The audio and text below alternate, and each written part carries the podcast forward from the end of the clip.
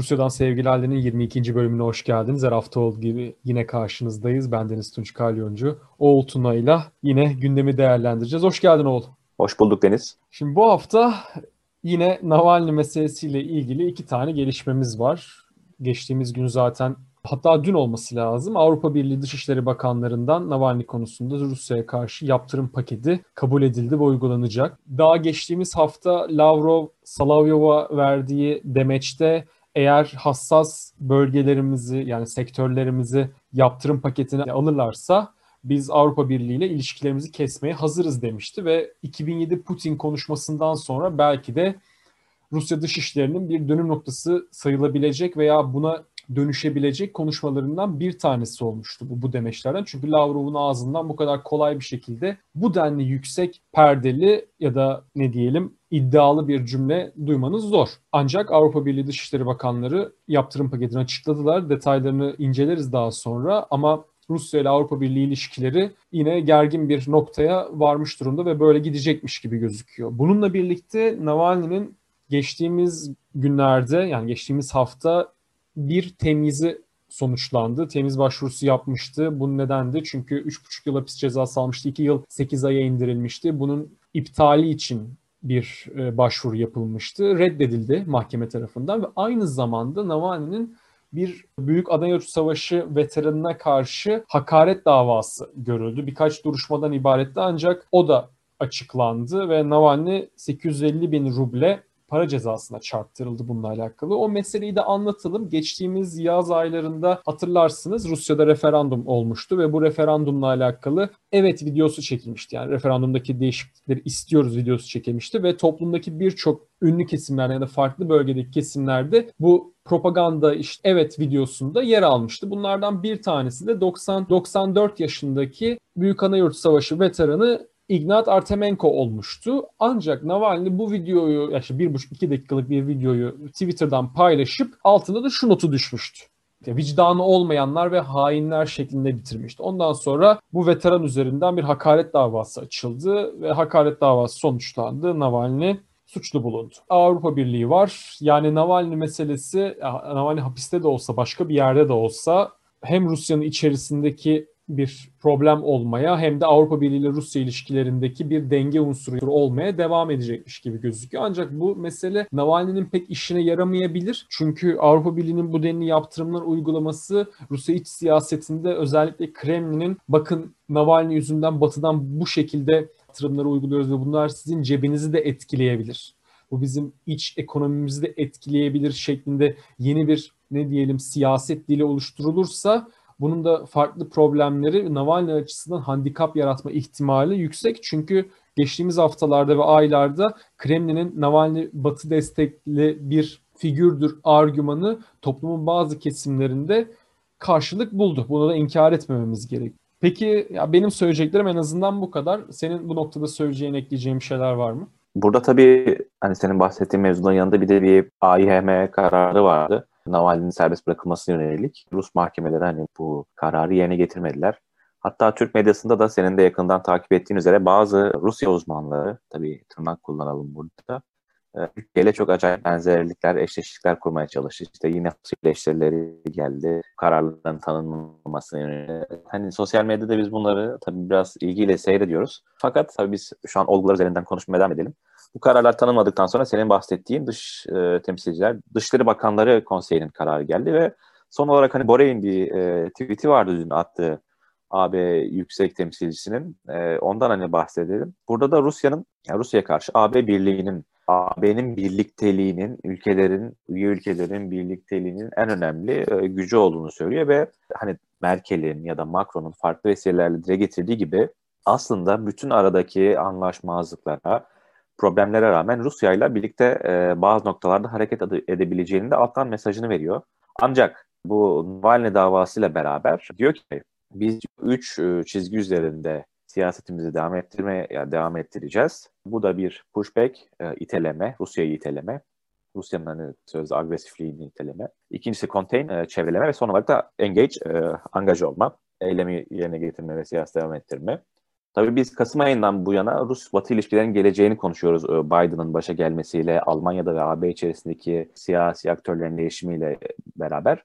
Fakat şu anda görünen tablo o ki, e, hani burada Biden'dan da bahsetmek gerek. Rusya kötü adam listesinde birinci sıra yükselirken, hani mesela İran'ı görüyoruz. İran'la ilgili şu anda nükleer anlaşmayı devam ettirmek üzerine bir siyaset var. Bu sebeple İran bir süreliğine bu listeden çıkmış gibi görünüyor. Ee, Rusya ve Çin e, şu anda aynı tabloda devam ediyorlar. Son olarak da bilmiyorum sen de ne diyeceksin bu konuda? Bize sürekli eleştiriler geliyor. Niçin sürekli Navalny, Navalny, Navalny konuşuyorsunuz? Yani biz buradan Navalny'nin fanları değiliz. Hatta sosyal medyada da maalesef Türk e, Navalny fanlarıyla istemeden karşı, karşı karşıya getirildiğimiz oluyor.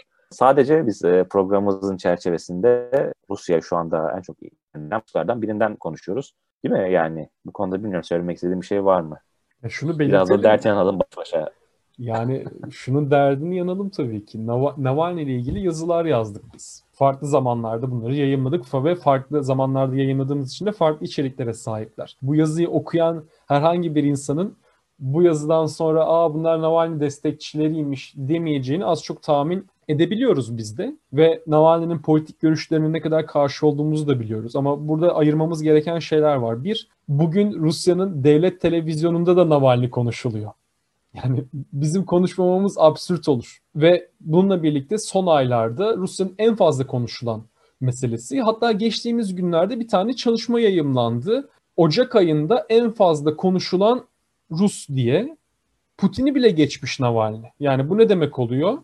Navalny hakkında daha fazla yorum yapılmış, daha fazla haber yapılmış ve biz de bunları aktarmakla mükellefiz. Çünkü burada şunun gayesi yani amacını da güdüyoruz. Yani Navalny meselesi Türkiye'de oldukça az bilinen ve bir takım insanların da eksik aktardığı bir mesele. Ve biz de bunu farklı bakış açılarıyla, farklı konuklarla, farklı görüşlerle elimizden geldiğince aktarmaya çalışmaya devam edeceğiz. Ya ben kişisel olarak zaten Navalny'nin destekçisi veya Navalny'nin politik görüşlerini benimseyen bir insan değilim. Ancak burada şeyi ayıralım. İki tane Navalny var demiştim yazımda da. Bir, bir takım ifşa çalışmaları yapan isim ve bunun bazıları oldukça önemli çalışmalar. Medvedev ile alakalı çalışmanın mesela ne diyelim Medvedev'in çok masum olduğunu söylememiz biraz zor. Ya da bir politik tutuklu olduğu görüşünü savunabiliriz herhalde Navalny'nin. Bu da çok görmezden gelmememiz gereken bir mesele buradan bizi dinleyen insanlar zaten bölümlerimizi de dinlerlerse, yazılarımızı da okurlarsa bu meseleye biraz farklı bir bakış açısıyla bakmaya çalıştığımızı anlayacaklar diye umuyorum. Böyle de ben derdimi yanıyorum.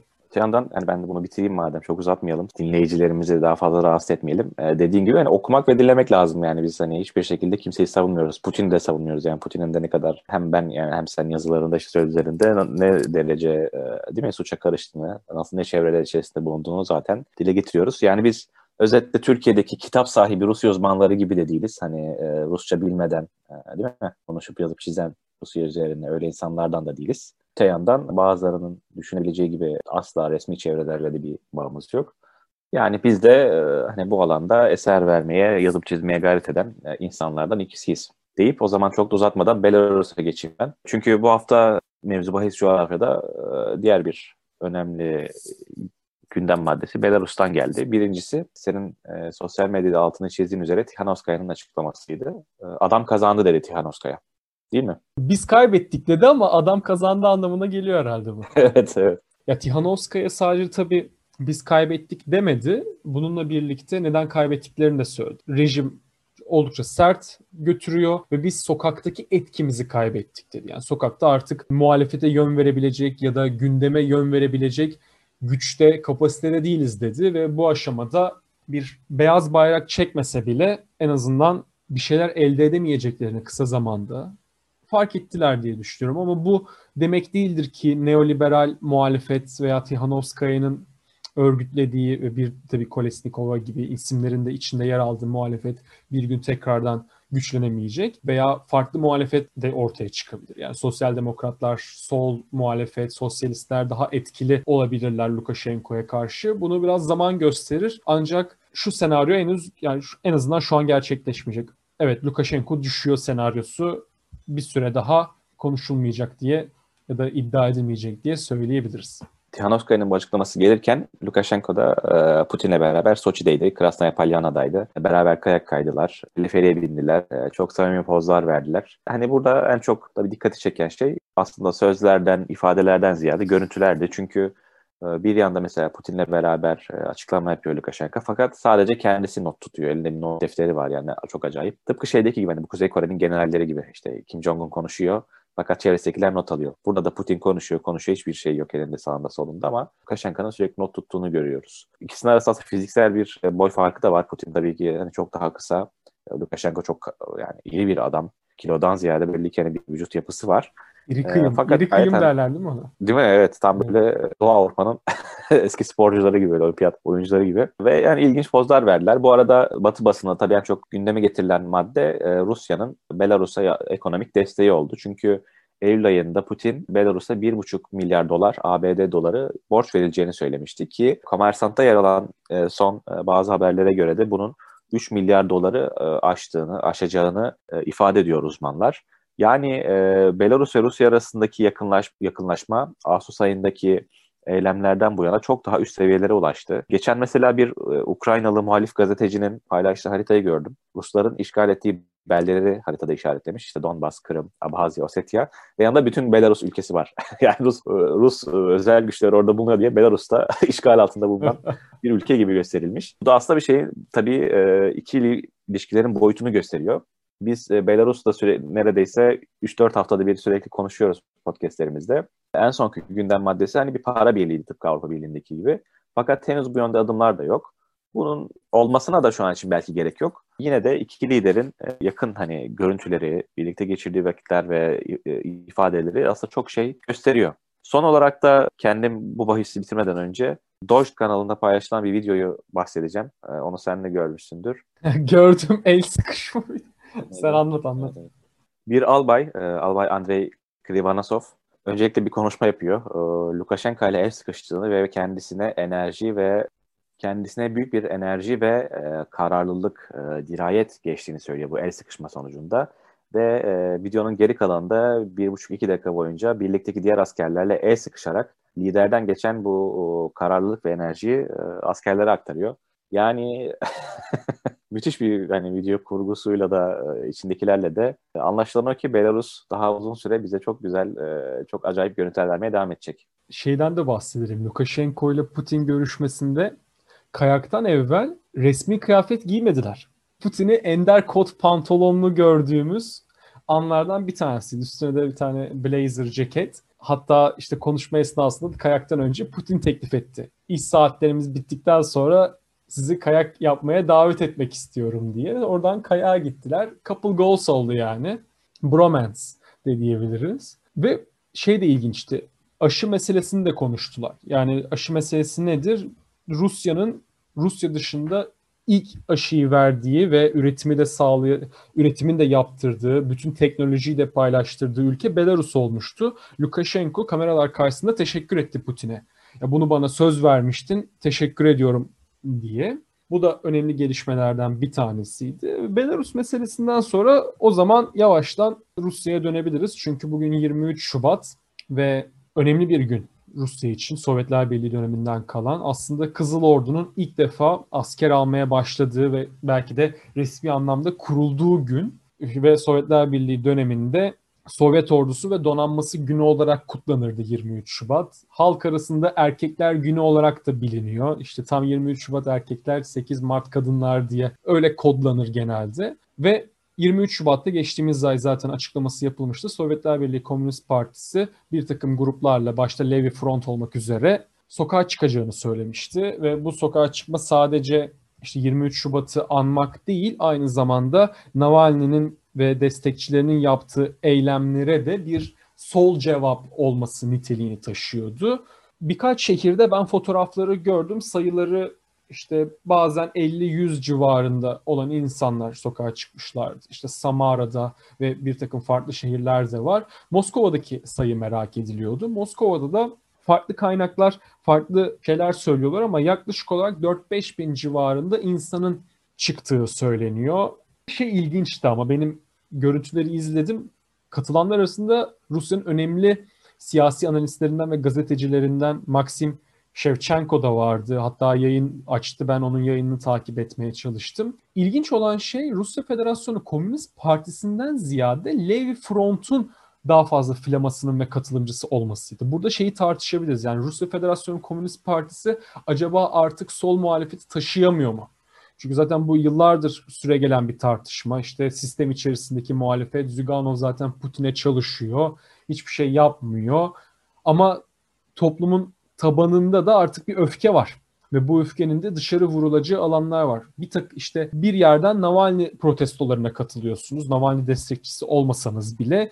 Diğer taraftan da o zaman solcular çıkıyorsa solcularla birlikte yürüyeyim diyorsunuz ama ana muhalefet partisinin filamasından çok farklı grupların filamaları belirginse ve daha fazla sayıdaysa burada o zaman demek ki bu partinin de konumunu bir anlamda tartışmamız gerekiyor diye düşünüyorum. Sen neler söylersin bu konuda? Sol muhalefet meselesini Navalny olayın başından beri gündeme getiriyoruz. Yani Hakan Güneş hocamızı da sürekli anıyoruz bu vesileyle. İşte Hazal Yalan'ın makalelerinde aynı şekilde. Ee, çok önemli bir mevzu. Çünkü e, Rusya'daki muhalefetin içinde bulunduğu durum aslında pek çok sadece Türkiye için değil pek çok komşu ülke içinde Avrupa ülkesi içinde anahtar niteliğinde bunu iyi analiz etmek gerekiyor. Solun neden bir araya gelemediği zaten hani herhalde Bolşevik Partisi'nin kurulmasından bu yana en çok tartışılan konulardan biri. Ama bugün içinde bulunduğumuz dönemde çok daha büyük bir önem arz ediyor. Çünkü bir yandan ekonomik kriz söz konusu ki bu ekonomik küresel kriz e, pandemiyle artık e, korkunç boyutlara ulaştı. Sadece Türkiye'de değil yani en gelişmiş ülkelerde dahi bugün artık e, bu pandemi önlemlerinin kaldırılması tartışılırken siyasi baskı artık e, her her ülkede işte Fransa'sında dahi e, dünyanın işte en gelişmiş ülkelerinden birinde, demokrasilerinden birinde gündeme gelirken solun e, alacağı önem, inisiyatif çok önemli. E, bu sebeple Rusya'da bakıyoruz. Bizim tartıştığımız isimler gayet e, açık, net konuştular dahi maalesef bir tür e, dip dalgayı yakalamış değiller.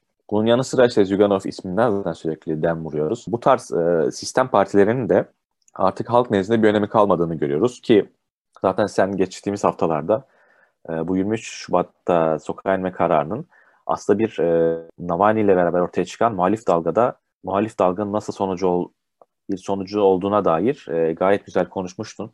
Özetle toparlamak gerekirse e, Rusya'da Navalny hariç e, sistem dışı soldaki ya da sol olmasına gerek yok. Yeter ki sistem dışı olsun. Muhalefetin e, güçlenme ihtimali aslında heyecan verici. Fakat bugünkü gösteriler yani bütün e, nostaljisiyle beraber, bütün o bayrakların, flamaların, e, taşınan e, fotoğrafların yarattığı nostaljik havaya rağmen bana gayet yani olağan bir toplantı gibi geldi.